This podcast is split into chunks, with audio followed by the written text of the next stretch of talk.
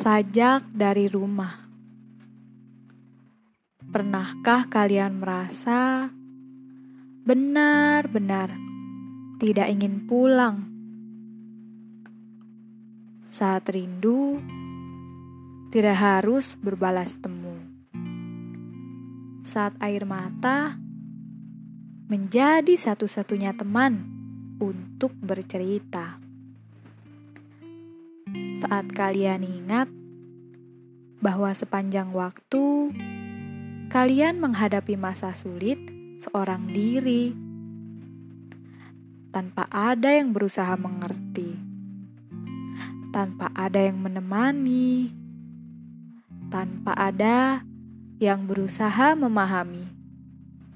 Bahkan bermimpi untuk didengar pun tak berani. Teringat indah yang kini bersisa amarah. Teringat salah yang tidak bisa dimaafkan dengan mudah.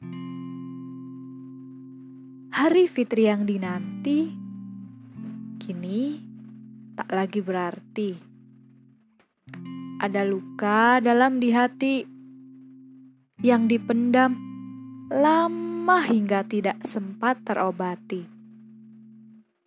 Ada tawa si kecil yang menunggu di rumah setiap kali ia kusapa ramah.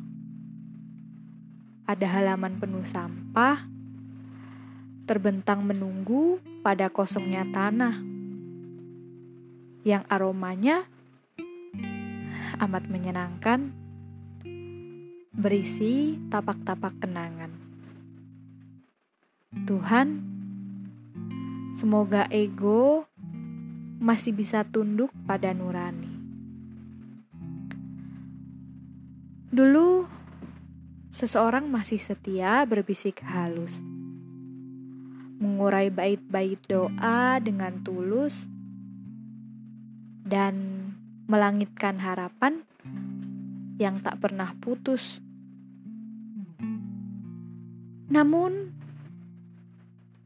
bait lama itu sudah pupus, perlahan lenyap, terbawa angin yang berhembus.